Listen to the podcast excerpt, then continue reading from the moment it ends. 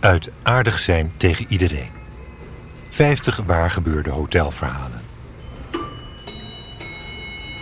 Hoogtevrees.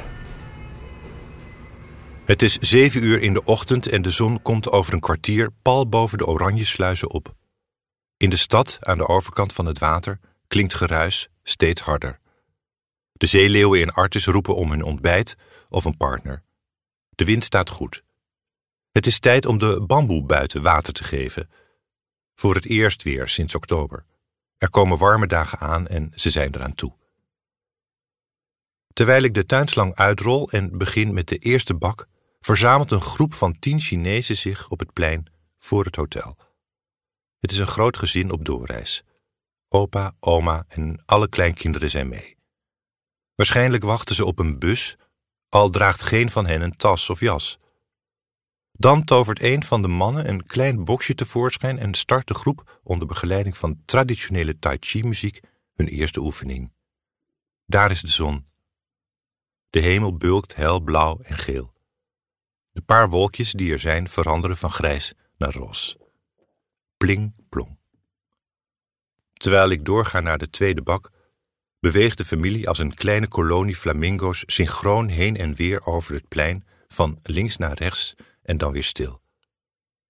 Op alle kamers wordt nog geslapen, maar zij zwaaien met hun armen slow motion door de lucht.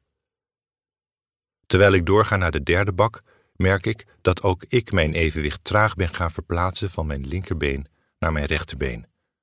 De bamboe ritselt van het water. De vierde bak. Eén dag later. Floortje attendeert me op een meisje dat van plan is de eerste glazen brug op de tweede over te steken. Maar ze durft niet. Zelfs in het restaurant kijken mensen naar boven. Ze staat er al een tijdje met haar handen op de balustrade, één voet voorzichtig op het glas. En weer terug. Floortje heeft al een poging gedaan, te vergeefs. Misschien lukt het jou, zegt ze. Als ik boven kom, zie ik dat het de jongste is van de Tai Chi-familie. Zo nu en dan bleven haar bewegingen wat achter vergeleken met de ouderen, maar ze deed haar best, geneerde zich niet. Nu staat ze verstijfd als een pop met een angstig gezicht naar beneden te staren waar de kranten van vandaag liggen. De originele reiskisten, de klimplant die het steeds beter doet. Dat ze niet durft is duidelijk. Alles in haar roept nee, maar ze wil wel. Don't look at what you fear, zeg ik. Ignore it. Het is niet duidelijk of ze me verstaat, maar ze begrijpt me wel. Na vijf minuten volgt de eerste stap. Weer een paar minuten later de tweede.